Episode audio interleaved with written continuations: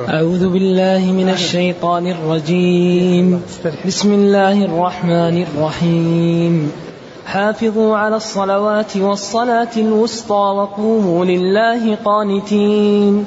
فإن خفتم فرجالا أو ركبانا فإذا أمنتم فاذكروا الله كما علمكم ما لم تكونوا تعلمون. والذين يتوفون منكم ويذرون أزواجا وصية لأزواجهم متاعا إلى الحول غير إخراج. فإن خرجن فلا جناح عليكم فيما فعلن في أنفسهن من معروف. والله عزيز حكيم.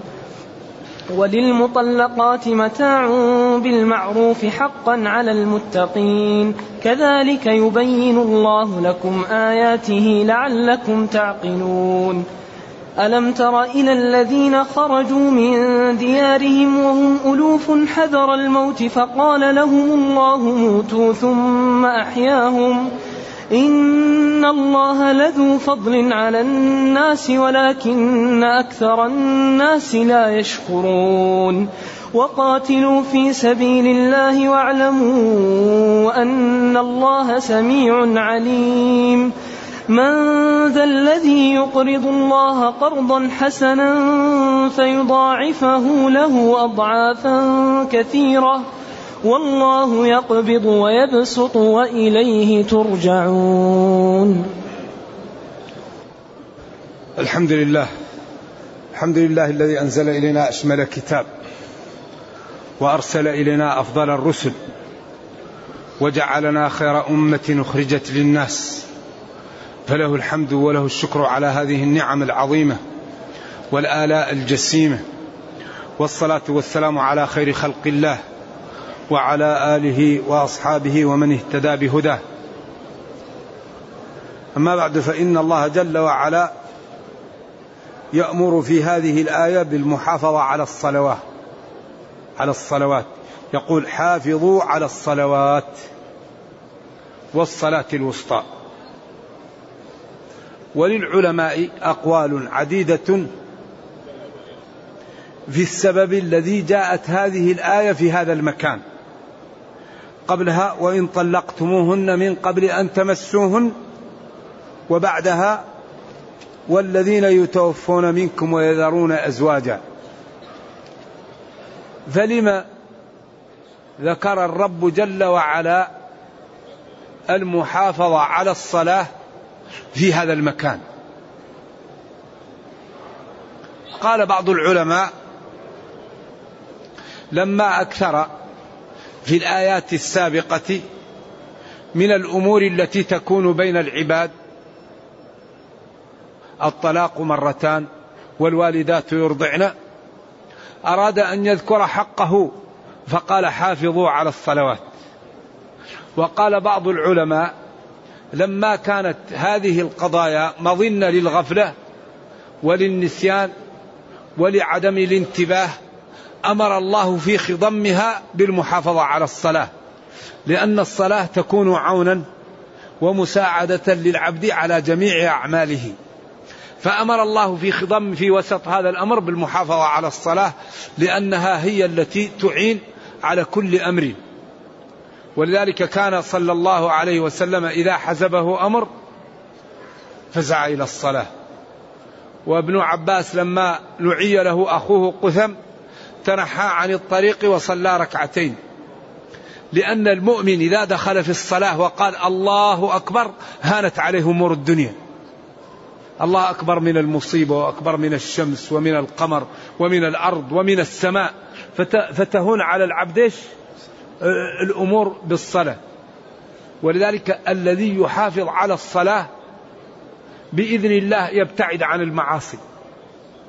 إن الصلاة تنهى الذي يحافظ على الصلاة بإذن الله ربنا يغنيه. لا يحافظ العبد على الصلاة إلا الله أغناه. من أكبر أسباب الغناء المحافظة على الصلاة. ولذلك لما قال في سورة طه وأمر أهلك بالصلاة واصطبر عليها. كأنه قال طيب كيف نعيش؟ الوقت الصلاة تأخذ وقت تحتاج إلى وضوء وتحتاج إلى جماعة والجماعة الإمام قد يتأخر وهذا خمس مرات في اليوم. طيب كيف نعيش؟ قال له لا نسألك رزقا نحن نرزقك الله اللي يرزقك إذا قال العلماء من أكبر أسباب الرزق الصلاة. إذا حافظوا حافظوا يعني من المحافظة من المكابدة. حافظوا عليها في أدائها في وقتها بوضوئها. بشروطها بأركانها بنيتها حافظوا عليها. ولذا لا يحافظ العبد على الصلاة إلا ارتقى إيش؟ إيمانه. إذا حافظ العبد على الصلاة يرتقي. لذلك ربنا كريم فجعلها خمس مرات. أرأيتم على باب أحدكم نهر جار جار يغتسل منه خمس مرات أيبقى عليه درن؟ لكن الصلاة لا بد فيها من إيش؟ من أن, من أن تؤدى بالطريقة التي شرعها الرب. لأن العبادة إذا أديت على المواصفات التي لم يشرعها الرب لا تقبل. فلا بد أن نؤدي الصلاة بالطريقة التي شرعها الرب عشان تأخذ عشان نأخذ أجرها. ولله المثل الأعلى فلو كان الآن في صاحب مصنع اتفق معه واحد يورد له بضاعة واتفقوا على مواصفات وبعدين جاب له البضاعة على غير المواصفات ما لا يقول له. هذا ما هو اللي اتفقنا عليه. إذا الله أمرنا أن نؤدي الصلاة بالطريقة. أول شيء الطهارة. استقبال القبلة. دخول الوقت. ستر العورة. هذه أمور إذا لم تكن في الصلاة لا تقبل. شروط تسعة.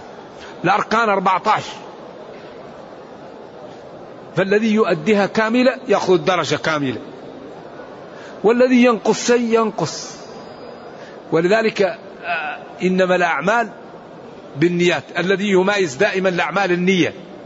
النية هي اللي تجعل العمل القليل كبير وتجعل العمل الكبير قليل لأن النية تكون منخوبة. إذا حافظوا يعني حافظوا عليها بشروطها وأركانها وأندابها وسننها وواجباتها. والصلاة الوسطى الصلاة الوسطى ما أدري فيها كم قول. فيها من الأقوال أكثر من الصلوات. نعم. لكن في حديث صحيح شغلونا عن الصلاة الوسطى صلاة العصر. لكن في حديث ثاني صحيح وصلاة العصر. والعطف يقتضي المغايرة. والعلماء كل منهم يختار قولا ويرفق بالمخالف. ولذلك نحن إذا عرضنا الأقوال لكل سامع أن يختار من الأقوال ما يحلو له ويرفع ويرفق بالمخالف ويعلم أن الجنة أبوابها كم؟ ثمانية. يا أخي ادخل من باب خلي غيرك يدخل من باب. لا تضيق واسع. أيوة بعض الناس يريد أن يقفل كل أبواب الجنة ويخلي باب واحد. الله جعل لها ثمانية أبواب. فالذي يدخل بالصوم والذي يدخل بالصدقة والذي يدخل بالصلاة والذي يدخل من الخوف بالخشية البكاء. فطرق دخول الجنة كثيرة فلا تضيق واسعا ولذلك الشريعة وضعت متحملة للخلاف. أوضح شيء. اغسلوا. اغسلوا وجوهكم. العلماء اختلفوا في اغسلوا. هل يلزم الدلك أو يكفي إمرار الماء؟ الشافعي ومالك قبله وأبو حنيفة قبل ذلك قالوا الذي يأكل لحم الإبل لا يلزمه الوضوء. الإمام أحمد قال الذي يأكل لحم الإبل يتوضأ وهذه الصلاة وهذا الوضوء. في شيء أكبر من الصلاة؟ في شيء أكبر من الوضوء؟ الإمام أحمد قال أنا أتوضأ من لحوم الغنم؟ قال له إن شئت. قال أنا أتوضأ من لحوم الإبل؟ قال نعم. فقال هذا التفريق بين ما مست النار وما مست النار هذا ما هو صحيح في هذا الحديث. لأنه هنا قال نتوضأ من لحوم الإبل؟ قال نعم. قال نتوضأ من لحوم الغنم؟ قال إن شئت. مالك والشافعي وأبو حنيفة قالوا كان آخر الأمرين ترك الوضوء مما مست النار وفي الموطأ باب الوضوء مما تحت الإزار. وما تحت الإزار لا يتوضأ وإنما يغسل. فالمقصود بالوضوء غسل اليدين. إذا نتوضأ يعني نغسل يدينا. أحمد قال الحقيقة الشرعية مقدمة وهذا له دليل وهذا له دليل ولطالب العلم أن يختار ما يحلو له ويرفق بالمخالف. نحن الذي نريد أن يتعود طلاب العلم على أنهم يأخذوا ما يحلو لهم ويرفقون بمن خالفهم. لأن الشريعة لما وضعت وضعت متحملة للخلاف. إذا الصلاة الوسطى قيل العصر وأدلتها قوية جدا. يوم الخندق قال شغلونا عن الصلاة الوسطى صلاة العصر ملأ الله قبورهم وفي بعض الروايات بيوتهم أو أجوافهم نارا. ما كدت أصلي العصر حتى كادت الشمس أن تغرب. ومنهم من قال الصلاة الوسطى هي المغرب لأنها بين أربعة وبين اثنين. ومنهم من قال الصلاة الوسطى هي الفجر لأنها بين الليل والنهار. ومنهم من قال الصلاة الوسطى هي صلاة الظهر لأنها كانت هي أصعب صلاة في المدينة وكانت تأتي في الهاجرة. إذا كل صلاة قيل إنها إيش؟ الوسطى. واختيار القرطبي وقبله ابن عبد البر أنها مخبوءة. ولذلك ابن عبد البر يقول حافظوا على الصلوات جميعها وعلى كل صلاة بمفردها. هذا رأي ابن عبد البر. يقول الصلاة الوسطى كل صلاة هي الصلاة الوسطى. لأنه هما خمسة فكل واحدة وسطى. إذا حافظوا على الصلوات جميعا واجبها ومندوبها. ومسنونها وحافظوا على الصلاة الوسطى وكل صلاة من الصلوات الخمسة هي الصلاة الوسطى. حافظوا على الصلوات جميعا بجميع أشكالها وحافظوا على الصلوات الخمسة. ولكن حديث وصلاة العصر هذا أقوى أقوى شيء أنها العصر أو الفجر. نعم. وصلاة العصر فيها حديث في مسلم وفي غيره صحيح لكن فيها رواية أخرى وصلاة العصر. فالذي قال ومنهم من قال هي العشاء لأن أصعب الصلاة على المنافقين صلاة الفجر وصلاة العصر العشاء لأنهم يخفون عن الناس. والذي هو صعب في كل وقت الفجر لأن العصر قد يكون صعب في بعض البلدان الظهر في بعض البلدان لكن الفجر لأن بعده النوم والراحة دائما يكون ثقيل على الناس. نعم. إذا أمر الله تعالى بالمحافظة على الصلوات جميعها وعلى الصلاة الوسطى وهل هي العصر أو الفجر أو الظهر أو المغرب؟ أقوال للعلماء أقواها أنها العصر ثم الفجر لأن هذا فيه نصوص قوية. نعم. ثم قال وقوموا. قوموا أمر للقيام. إذا الصلاة لا بد فيها من القيام. لا تقبل صلاة القاعد إلا إذا كان عاجزا. وكل الواجبات تسقط عند الع... مع وجود العقل إلا الصلاة. الصلاة لا تسقط إلا عمن فقد العقل. الصوم إذا مرض الإنسان. الزكاة إذا لم يكن عندك مال. الحج إذا لم تستطع. يعني كل الواجبات تسقط عند العجز إلا الصلاة. الصلاة لا تسقط إلا عمن فقد العقل. ما دام عندك العقل لا بد من الصلاة. ولذلك اتفق الأئمة الأربعة على أن تارك الصلاة لا يخالط الناس. الأئمة الأربعة اتفقوا على أن تارك الصلاة لا يخالط الناس. يا يسجن ويضرب وهو قول الإمام أبي حنيفة أو يقتل حدا وهو قول الشافعي ومالك أو يقتل يعني كفرا. يعني كما قال الإمام أحمد في الرواية التي عليها الفتوى العهد الذي بيننا وبينهم الصلاة فمن تركها فقد كفر. ليس بين العبد أو الشرك إلا ترك الصلاة. من ترك الصلاة فهو مع فرعون وهامان وقارون وأبي بن خلف. هذه النصوص الصريحة تجعل تارك الصلاة كافرا. والخلاف قديم ولطالب العلم كما ذكرت أن يختار ما يراه ويرفق بالمخالف. إذا وقوموا لله. قوموا لله. لا تقوموا ليقال مصلي. قوموا لله. مخلصين. لأجل الله. لله. قانتين. ساكتين. طائعين. عابدين. خاشعين. لأن القنوت يقال للقيام.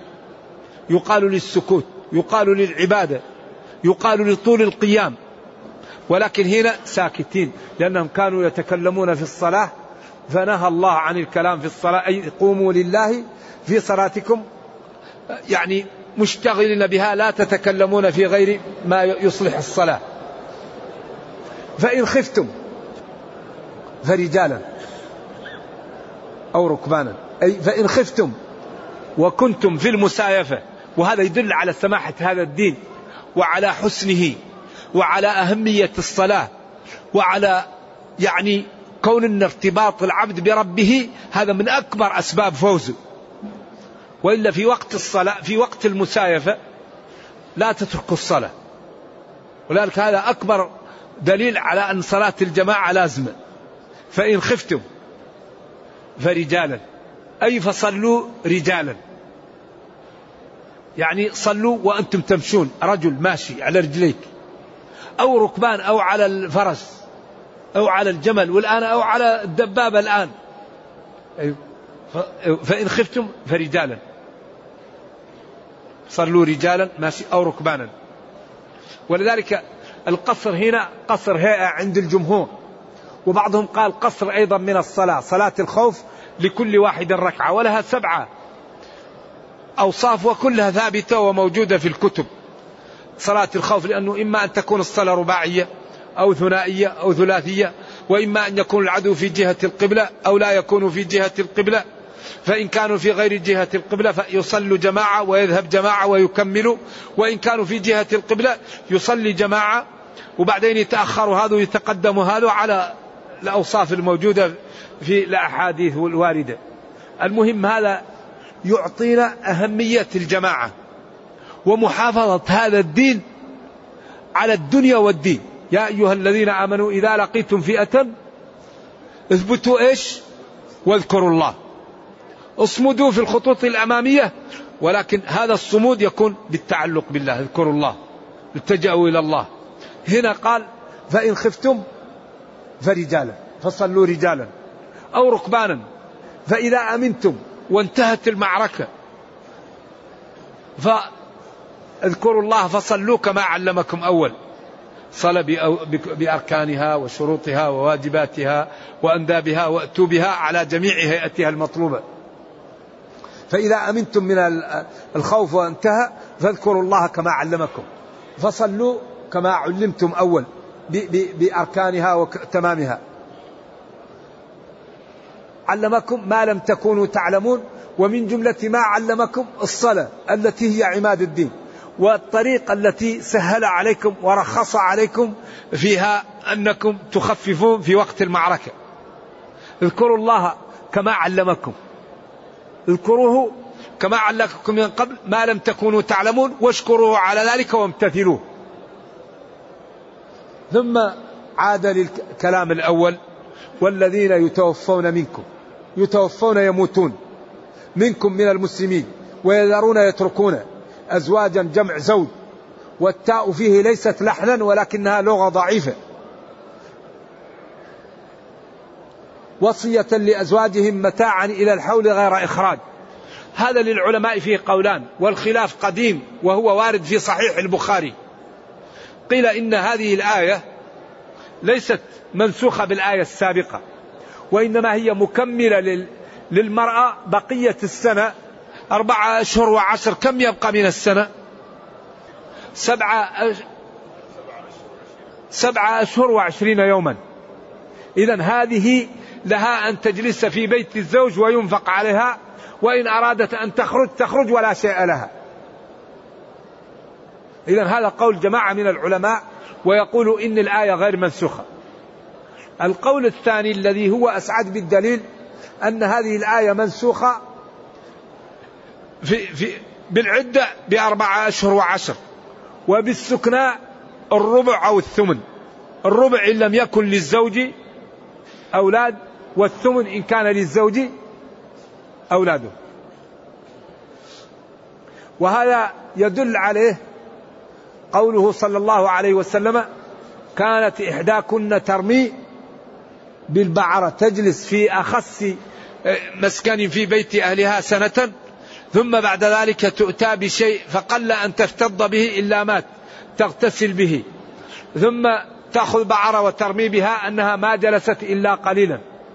فهذا دل على أن هذا منسوخ والروايات الصحيحة في الأحاديث تدل على ذلك. إذا القول أن الآية منسوخة بآية والذين يتوفون منكم ويرون أزواجا يتربصن بأنفسهن أربعة أشهر وعشرة أسعد بالدليل وقائله أكثر والأدلة تدل عليه. إذا ويرون أزواجا وصية لأزواجهم متاعا الحول غير إخراج فإن خرجنا فلا جناح عليكم فيما فعلن في أنفسهن من معروف. فإن خرجنا من البيوت أو خرجنا من العدة فلا جناح عليكم. أيها الأولياء فيما فعلت المرأة في نفسها بالمعروف أي بأن تتزوج وتتعرض للخطاب. ولذلك المرأة هي لا تزوج إلا برضاها. لا يجوز للولي أن يزوج موليته إلا برضاها إلا إذا كانت معتوهة أو غير راشدة. الأب الصغيرة لا يزوجها إلا الأب. أما الأولياء لا يزوجوا إلا إيش؟ لا بد أن تستأمر. فإن كانت بكر تسكت وإن كانت غير بكر لا يقبل منها إلا حتى حتى تتكلم وتقول رضيت. والمرأة لا تزوج على أحد تكرهه. ولذلك المرأة الذي زوجها أبوها على ابن عمه وقالت إن أبي يريد أن يرفع خسيسة ابن عمه ويريد أن يزوجني له فأنا لا أريد. قال إن كنت لا تريدين لا يزوجك. قالت الآن قبلت كنت أريد أن نعرف حق النساء. أيوة فالنساء لا يزوجن إلا برضاهن. ولكن لا يجوز للمرأة أن تزوج نفسها. لا بد لها من الولي. لا نكاح إلا بولي. فلا تعضلوهن. فلا تعضلوهن. هذا النهي يدل على أن للولي على موليته تسلط. لكن هذا التسلط في نطاق الشريعة وفي نطاق المعروف. فإن كان الولي يريد وظيفة موليته ويمنعها من الزواج فلها أن تذهب للمحكمة ويزوجها القاضي غصبا عن وليها ولو أبوها. لأن بعض الأولياء مع الأسف أصبح يريد من موليته نفعا ماديا عرضا ويمنعها من الزواج حتى يتعداها ركب الزواج وتبقى بدون أولاد وعانس وهذا جرم فيها شنيع ودناءة. لا يجوز للولي أن يمنع موليته من الزواج. إذا جاءكم من ترضون دينه وأمانته فزوجوه كائنا من كان إلا تفعلوا فلا بد من تزويجها. فإن امتنع الولي عن التزويج وكان عاضلا تذهب إلى القضاء وتذهب إلى القاضي ويجعل لها ولي بعيد يزوجها أو يزوجها القاضي. فلا تعضلوهن. سواء كان لغرض دنيوي أو لشيطان أنا أنا لا أزوج طيب هي شريفة وما جاء واحد من جماعتها ماذا تفعل مسكينة؟ إذا لا ينبغي أن تعضل المرأة والذي يعضلها من الأولياء تذهب للقاضي ويزوجها. والله عزيز. في تشريعاته وفي أحكامه. حكيم يضع الأمور في مواضعها. إذا اطمأنوا بادروا بتنفيذ ما أمركم به والكف عما نهاكم عنه. فالجملة صالحة للترغيب والترهيب. ما دام عزيز وحكيم يا ويل من يعصيه ويا يعني نعمة من من يطيعه. فالجملة صالحة للترغيب لمن يطيع وصالحة للترهيب لمن يخالف. واعلموا أن الله عز وجل حكيم وللمطلقات متاع بالمعروف حقا على المتقين. هنا للعلماء في هذه الجملة قولان. قيل متاع هنا هو النفقة. لأن وقيل للمطلقات كلهن.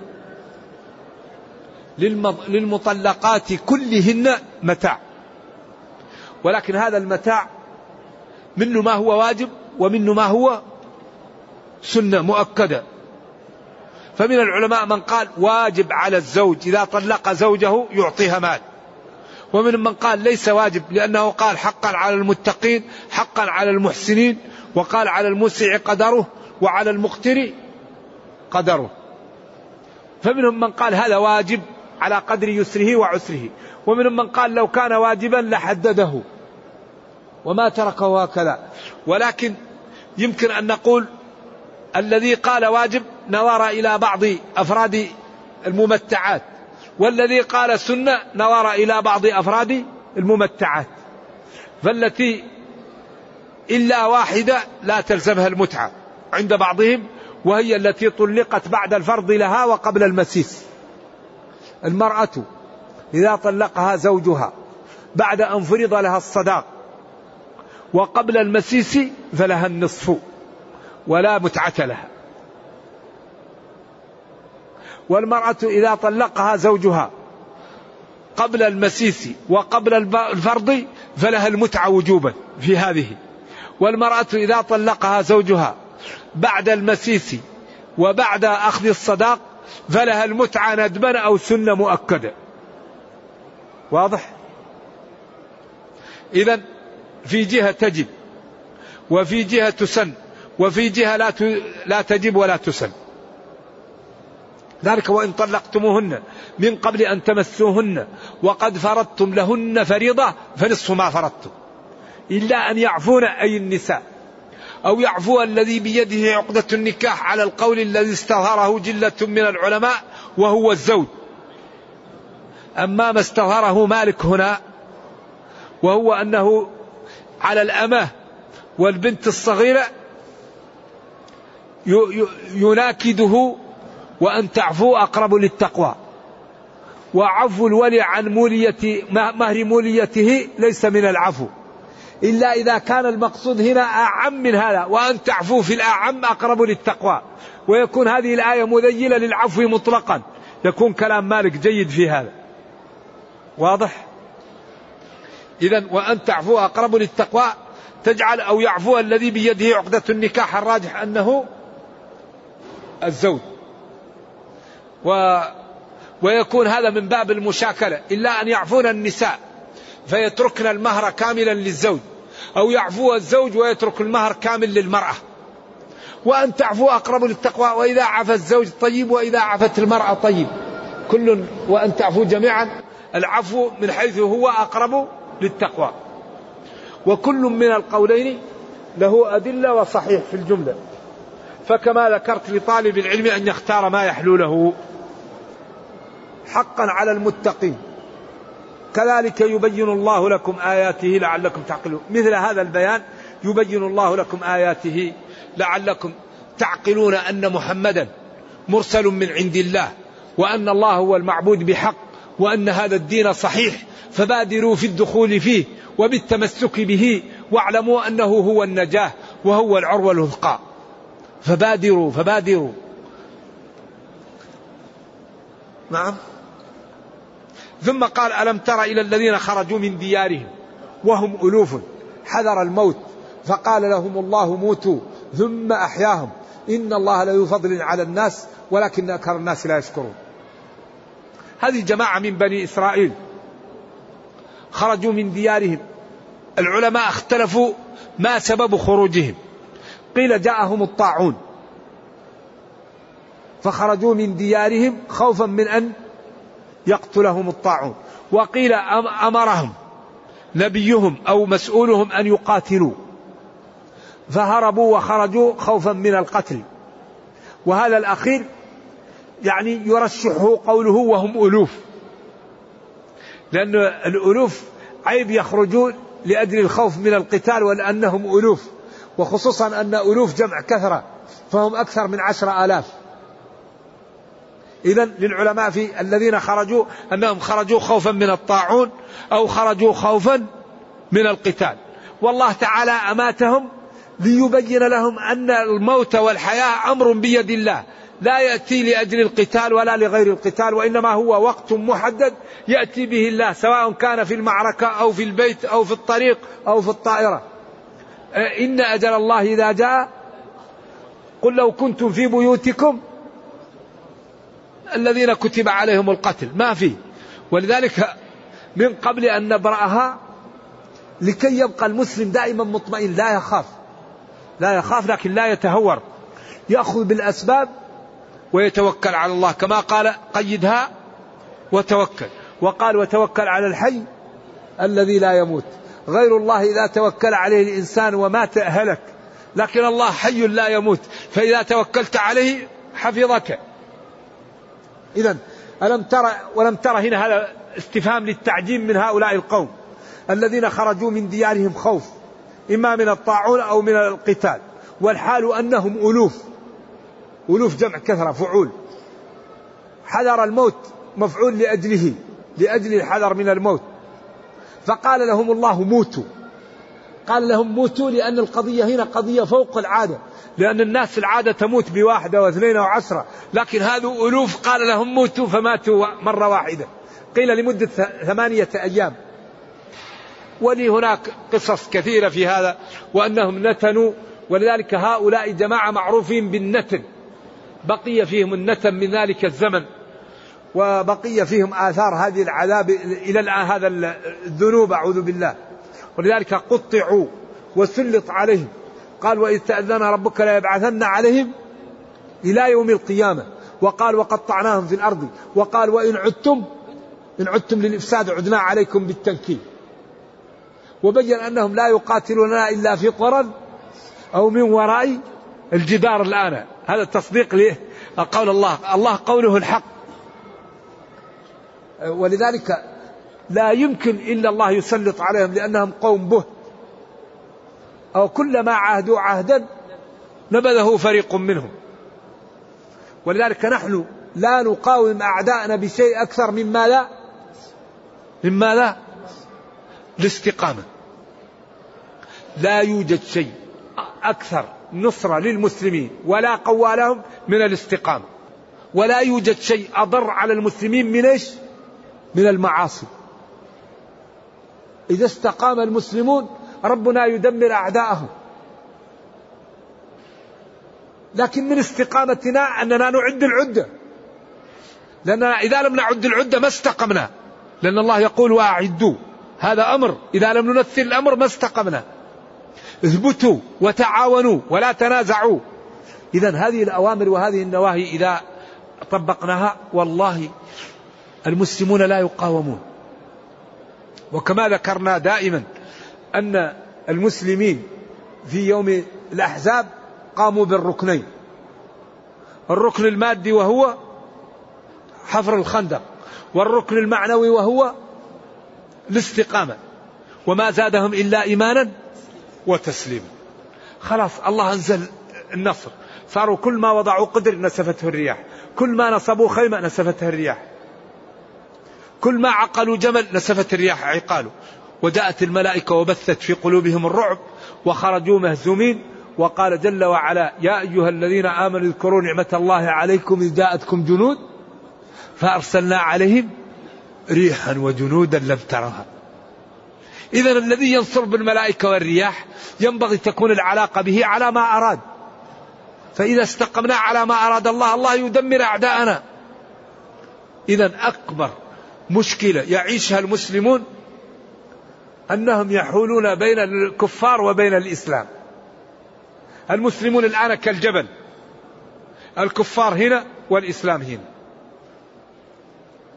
لأنك إذا قرأت عن الإسلام لا تظلم لا تكذب لا تسرق لا تزني لا ترابي تصدق انفق اصلح ذات البين افعلوا الخير لعلكم تفلحون. يقول ما أجمل هذا الدين وما أنجعه لحل مشاكل أهل الأرض. فإذا نظر إلى المسلمين وجد الربا وجد الرشوة وجد إذا يقول لو كان الدين حقا لاتبعه أهله. إذا قال جل وعلا ربنا لا تجعلنا فتنة أي لا تجعل عملك فينا سببا في صد غير المسلمين عن الدخول في الإسلام. ولذلك أمانة في من يسكن من المسلمين مع الكفار أن لا يغشهم. لأن الغش غش الذي يغش الكفار حشف وسوء كيل تغش بعدين وتغش كافر يقول الكافر شوف دينه دينه يعلم الغش. فالذي يعيش من المسلمين بين ظهراني الكفار يجب عليه الصدق والأمن والنزاهة والانضباط حتى يروا جمال الدين في حياته. أما يروح يكون بين الكفار ويزور إجازة مرضية يروح يغش في بيعه يروح هذا عيب يقولوا شوف المسلم غشاش يقول نحن ما نقدر الإسلام كله غش فينفر الكفار من الإسلام بسبب أفعال المسلمين. مثل هذا اللي في بريطانيا يقول لا يجوز أن تسرق سوبر ماركت هؤلاء. أي دين هذا؟ دين, دين يجوك أنت ويحموك وتقول يجوز أن نسرق أموالهم؟ لذلك أخطر شيء الجهل. فلذلك لا بد من الانضباط وبالأخص الأقليات التي تسكن مع غير المسلمين. هؤلاء عليهم من المسؤولية أكثر من من يعيش بين المسلمين. لأن الذي يعيش بين المسلمين إذا غش يعرف المسلمون أن هذا لا يجوز لكن أولئك لا يعرفونه فيعرفون الإنسان بانضباطه.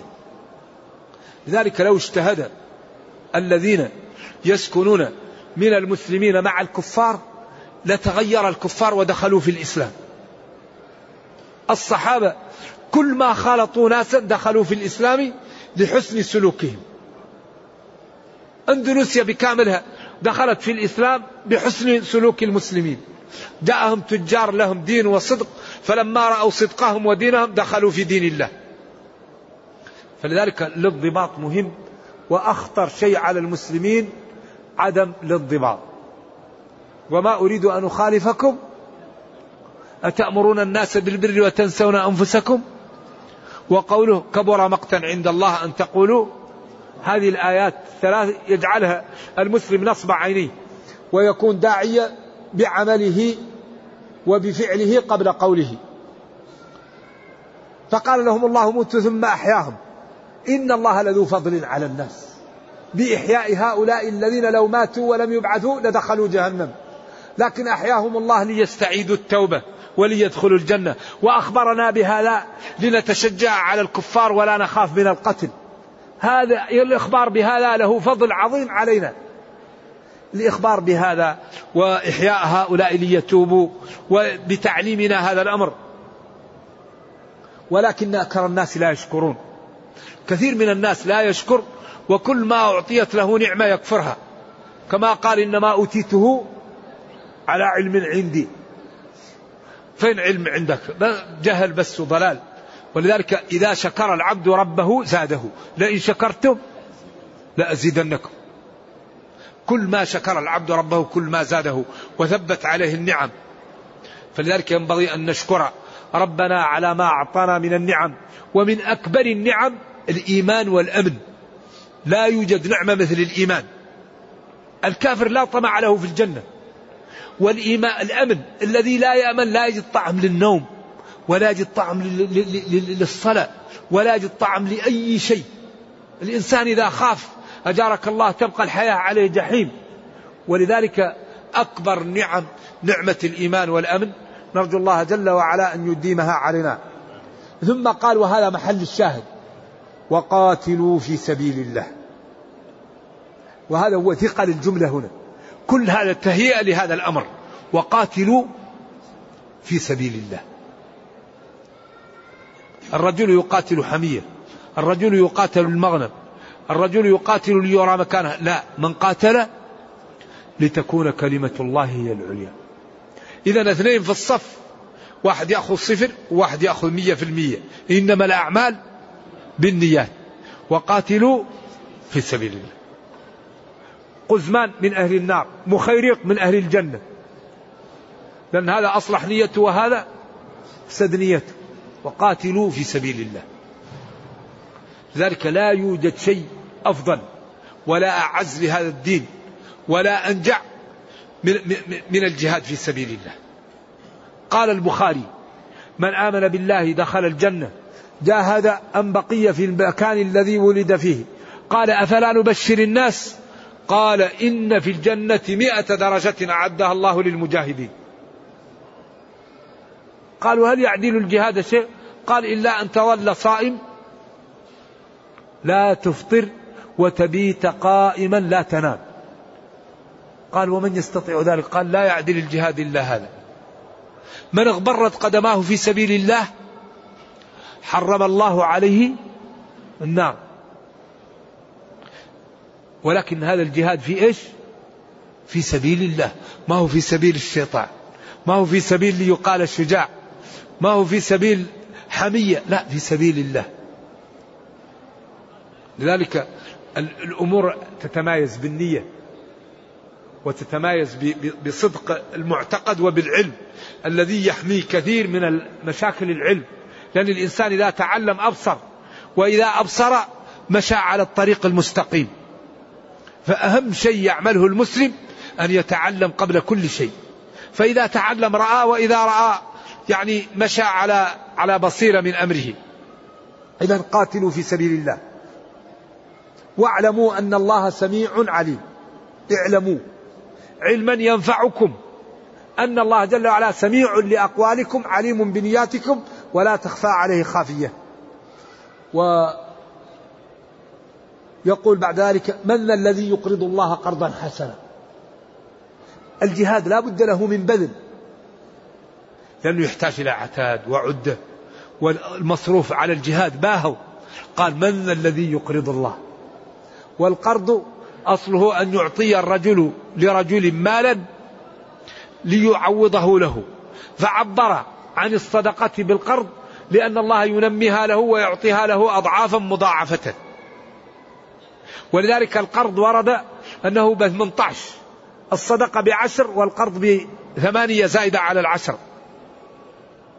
قالوا لأن صاحبه دائما يكون محتاج. أما الذي يسأل فقد يكون محتاج وقد لا يكون محتاج. ولأن المنة فيه أقل لأنه يعوضه.